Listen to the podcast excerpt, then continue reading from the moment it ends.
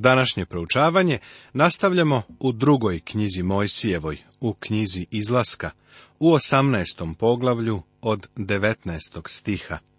I govorimo o tome kako je Mojsije prihvatio Jotorov savet da najmenuje sudije.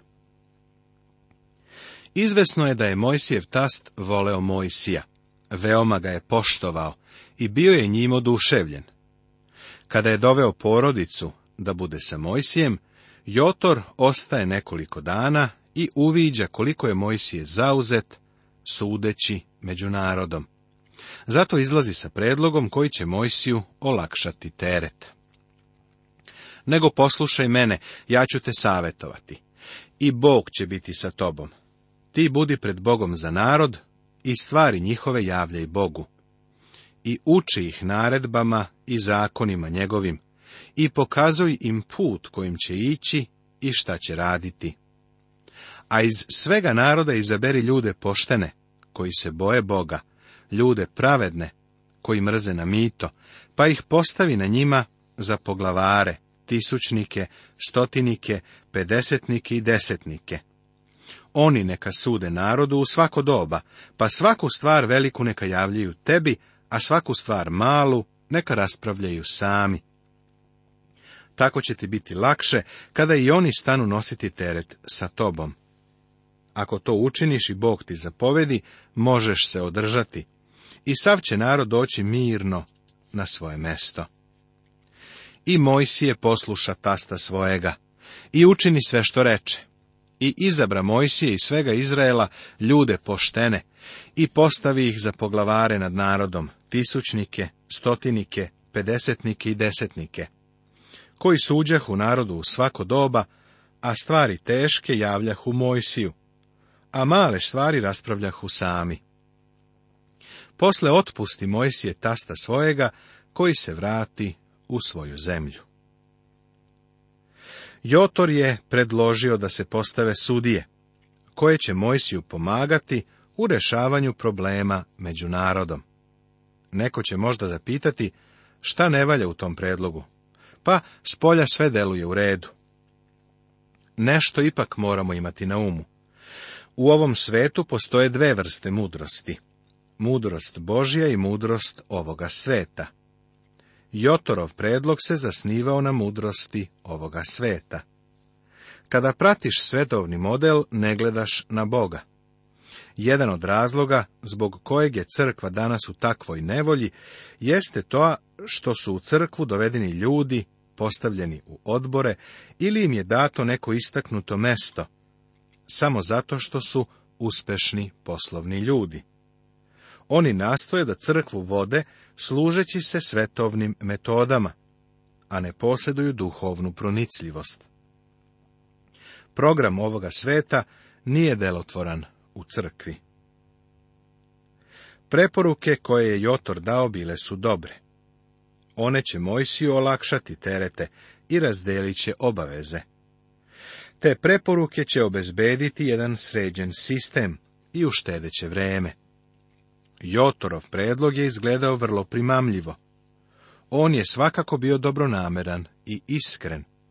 Jotor je bio zabrinut za Mojsijevo zdravlje i jednostavno zbog toga moraš da ga voliš. Međutim, stvar je u tome da moramo da obratimo pažnju na to da ovo nije bila Božija volja. Bog je to dopustio, ali nije predložio. Pažljivo ispitivanje ovog odeljka otkriće nam prepreden i zlokoban karakter koji je imao savet ovoga čoveka. Pre svega, nije Bog dao Mojsi ovakva uputstva u vezi sa tim problemom. Jotorov predlog je faktički dovodio u sumnju Božju mudrost, sud i ljubav. Jotor je suštinski govorio da Bog nije za Mojsija činio najbolje što je mogao, jer da je Bog stvarno voleo Mojsija i tako brinuo za njega, on bi taj predlog dao još mnogo ranije. Prijatelju, u pozadini Jotorovog predloga čujem šištanje zmije, koja je odavno poznata iz Edenskog vrta. Jer zmija je predložila Evi, o, kad biste samo mogli da jedete sa ovog drveta, postali biste mudri. Ali Bog vam to nije odobrio. Bog ne čini za vas sve što je najbolje. Jotorov predlog u sebi sadrži istu poruku. Ali da je ovo bio najbolji metod, Bog bi to unapred odredio. Drugo što ovdje treba zapaziti jeste da je Bog direktno postupao sa Mojsijem. On ga je opremao za veliki zadatak izbavljenja Izraela. Bog nije želeo da se u to unosi i treća strana. Nije želeo da se i drugi uključe, drugi koji će rasturati ili odeljivati silu Božiju u direktnom obraćanju Mojsiju. Seti se da je Bog sa Mojsijem govorio licem u lice. Ima mnogo ljudi koji ne vole da su u tako direktnom odnosu sa Bogom. Oni bi se radije bavili drugim ljudima. Više bi voljeli da idu preko čoveka, crkve, obreda, knjige ili čak muzičkog koncerta. Sve ovo ima svoje mesto, ali prijatelju, treba da dođemo direktno Bogu. Bog nije želeo da se ovaj narod uvuče u sve to. Dok razmatramo ovaj odeljak, treće što treba zapaziti jeste to da je Jotorov predlog stvorio organizaciju iz koje je nastalo 70 poglavara, koji su se jedne noći, posle otprilike 1500. godina, sastali i skovali zaveru o smrti Sina Božjeg. Mojsiju nije bila potrebna ova organizacija. Bog je Mojsiju dao moć i silu za ovaj zadatak i za naporne obaveze. Ovih sedamdeset ljudi nije bilo efikasnije za Boga od jednog njegovog čoveka. Nakon svega, duh je onaj koji čoveku daje hitrost i okretnost i snagu. Ima ljudi koji smatraju da je crkvi za uspeh potreban pravi metod rada. Upravo sada ima mnogo propovednika koji deluju prosto ludo, trudeći se da se poistovete sa novom generacijom. Kažu da žele da uspostave komunikaciju sa tom novom generacijom. U Južnoj Kaliforniji u Americi ima teološki fakultet koji glavni akcenat stavlja na poistovećivanje i komunikaciju sa ljudima. Ipak nikada nisam čuo da su oni stvarno dosegnuli i dotakli živote ljudi u Južnoj Kaliforniji. Jednostavno ne mogu to da učine. Bogu nije potreban metod, organizacija, brojevi, sistem ili ritual ili dobra dela, Bog uklanja svu mudrost ovoga sveta. Tako da između njega i tvoje duše ne stoji ništa. Tako nema slomljene trske na koju bi se ti oslonio. Svetovna mudrost i Božja mudrost su kontradiktorne u tolikoj meri da je jedna od njih mudrost, a druga ludost. U prvoj poslanici Korinčanima u trećem poglavlju u 18. i 19. stihu Bog kaže sljedeće. Neka se niko ne zavarava. Ako neko među vama misli da je mudar na ovom svetu, neka postane lud da bi bio mudar, jer je mudrost ovoga sveta ludost pred Bogom. Napisano je naime, on hvata mudrace u njihovom lukavstvu. Apostol Pavle nam u prvoj poslanici Korinčanima u drugom poglavlju ovako kaže. Moj govor i moja propoved ne beše u nagovorljivim rečima ljudske mudrosti, nego u dokazivanju duha i sile. Ne treba da budemo pametni i koristimo intelektualni pristup da bismo ljude pridobili za Hrista. Ono što nam jeste potrebno to je mudrost Božija koja nas vodi. Treba nam sila Božija, a ne novi metodi. Prijatelju, da li se oslanjaš na mudrost ovoga sveta ili gledaš na Boga, da te On vodi mudrošću koja dolazi od gore. Poglavlje 19. Tema Izrael stiže na goru Sinaj. Mojsije prenosi narodu Božiju poruku. Narod odgovara. Narod se priprema za treći dan kada će gospod sići na Sinajsku goru, na očigled celokupnog izraelskog naroda. Narod je upozoren da ne dotiče planinu. Božje prisustvo se spušta na goru. Napomena Poglavlja od 19. do 24. bave se zakonom. Izraelci su stigli na goru Sinaj i tu su se složili da će prihvatiti zakon. U stvari ono što oni rade jeste razmena blagodati za zakon. Izraelci stižu na goru Sinaj. Prvoga dana trećega meseca, pošto izađoše sinovi Izraeljevi iz Misira, toga dana dođoše u pustinju Sinajsku. Krenuvši se iz Rafidina, dođoše u pustinju Sinajsku i stadoše u oko u pustinji a oko načiniše Izraelci onde pod gorom. Izraelci su stigli na goru Sinaj, na mesto gde će im se dati zakon. Bog će milostivo i velikodušno da postupa sa svojim narodom. Pružit će im priliku da odluče da li žele da ih Bog i dalje na isti način vodi. Onako kako je on činio, otkad su izašli iz Egipta i stigli na goru ili radije žele da prime zakon. Mojsije prenosi narodu Božju poruku i narod odgovara. I Mojsije izađe na goru k Bogu i povika mu gospod s gore govoreći. Ovako kaži domu Jakovljevu i reci sinovima Izraeljevim. Videli ste šta sam učinio misircima i kako sam vas kao na krilima orlovim nosio i doveo vas k sebi. To je putovanje blagodaću. A sada, ako dobro uzaslušate glas moj i uščuvate zavet moj, bit ćete moje blago mimo sve narode, premda je moja sva zemlja. Izraelci su od Egipta do gore Sinajske putovali blagodaću Božijom. A onda ih gospod pita da li žele da prime zakon i zapovesti a oni to nerazumno prihvataju. Umjesto da kažu da su uživali u putovanju na orlovim krilima sve do Sinajske gore. Bog ih je podsjetio na ono šta je učinio Egipćanima i kako je Izraelce nosio na krilima orla. Možda bi bilo dobro da se nekoliko reči kaže o orlu.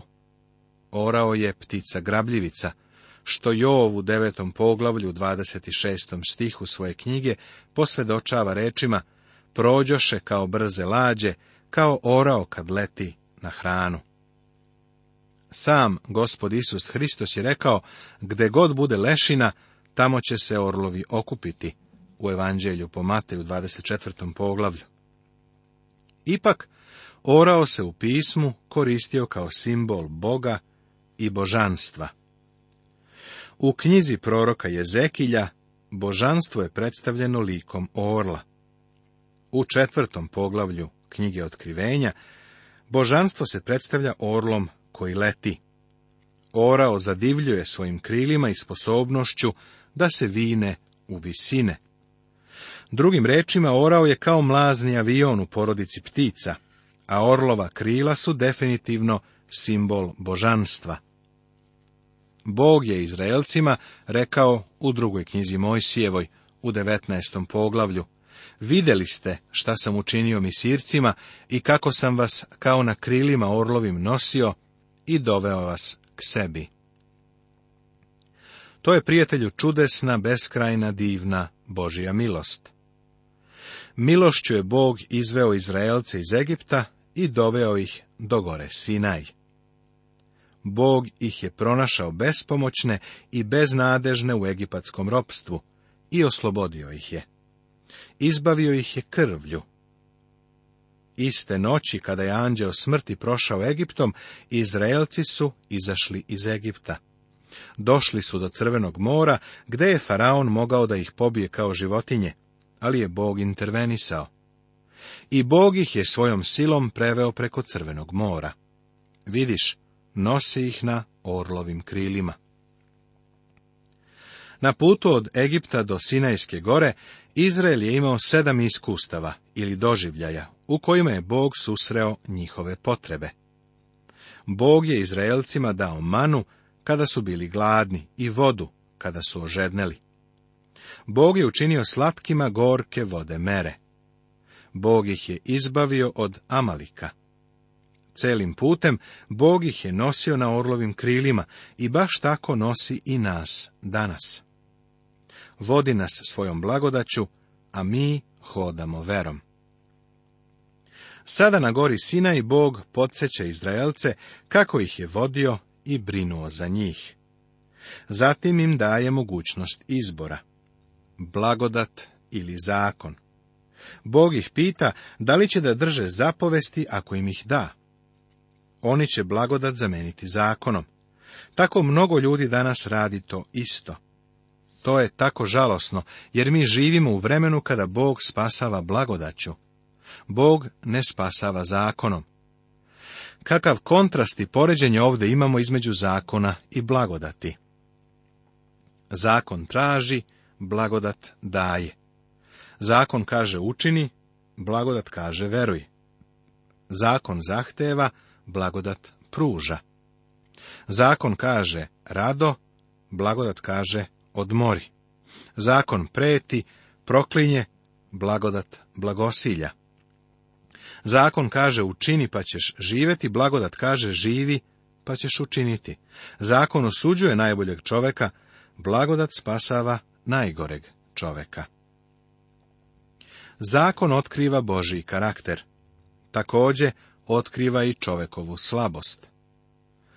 U poslanici Rimljanima, u trećem poglavlju u 19. stihu, apostol Pavle kaže, a znamo da sve što zakon govori, govori onima koji su pod zakonom, da se svaka usta zapuše i da sav svet bude kriv pred Bogom. Bog nikada nije dao zakon kao sredstvo spasenja. Niko nikada nije bio spasen držanjem zakona. Ni jednog jedinog čoveka ne možeš navesti da je to učinio. Mojsije je bio ubica, rasrdio se, bio neposlušan Bogu. Zašto je onda zakon dat? Razlog za zakon je napisan u poslanici Galatima, u trećem poglavlju 19. stihu. Šta će onda zakon? On je određen posredstvom anđela, rukom jednog posrednika, pa je poradi prestupa dodat, dok ne dođe potomak kome je dano obećanje. Dakle, dat je privremeno, dok ne dođe seme. Seme o kome se govori u ovom stihu jeste gospod Isus Hristos. Pavle nastavlja i u poslanici Galatima u trećem poglavlju u 24. stihu i kaže da je zakon postao naš pedagog za Hrista, da mi budemo na osnovu vere opravdani. Pedagog nije bio nastavnik u školi, nego rob u domu rimskog patricija koji se brinuo o detetu. On je dete oblačio, kupao, izduvavao mu nos kad je bilo potrebno i šljapno kad bi trebalo. Kada bi dete bilo dovoljno poodraslo da prisustvoje nastavi, preuzimao ga je pedagog. Reč za pedagoga je paidagogos, što znači onaj koji upravlja detetom, koji malo dete uzme za ruku i vodi ga u školu. Zakon je naš pedagog, naš pajdagogos. On nas uzima za ruku kao malo dete, vodi nas do krste i kaže, maleni moj, tebi je potreban spasitelj, ti si grešnik, treba da se spaseš. I bit ćete mi carstvo svešteničko i narod svet. To su reči koje ćeš kazati sinovima Izraeljevim. Prvenstvena Božja namjera za Izrael je bila da Izrael bude carstvo sveštenstva. Sva plemena su trebala da budu sveštenici. Ali zbog njihovog neuspeha da u obećenu zemlju uđu kod kade svarne, kao i zbog toga što su se klanjali zlatnom teletu koje su napravili dok je Mojsije bio na Sinajskoj gori, gde je primao božji zakon, samo jedno pleme je izabrano da bude svešteničko. Međutim, konačni Božji cilj za hiljadugodišnje carstvo jeste da od celog naroda načini carsko sveštenstvo. Ovo će se dogoditi dugo nakon što crkva bude uzdignuta sa zemlje na nebo, gde će biti sa gospodom Isusom Hristom u Novom Jerusalimu. A Mojsije dođe i sazva starešine narodne i kaza im sve ove reči kojemu gospod zapovedi. Slušaj ove ljude, kakvo pouzdanje su oni imali. A sav narod odgovori složno i reče, što je god kazao gospod, činit ćemo. I Mojsije javi gospodu reči narodne. Davanje zakona izraelskom narodu na gori Sinaj bio je početak širenja zakona. Ovo širenje zakona sa gore Sinaj proteže se do Golgotskog krsta, od izlaska do krsta. Ovo je otkrivenje za narod, koji živi pod idealnim uslovima, da ne mogu da održe zakon. Izrael je rekao, što je god kazao gospod, činit ćemo. Rekli su, donesi zakon, mi ćemo ga ispuniti. Rekli su to čak i pre nego što su saznali kakav je. A onda su 1500 godina pokazivali da zakon ne mogu da ispune. Nastavit će se.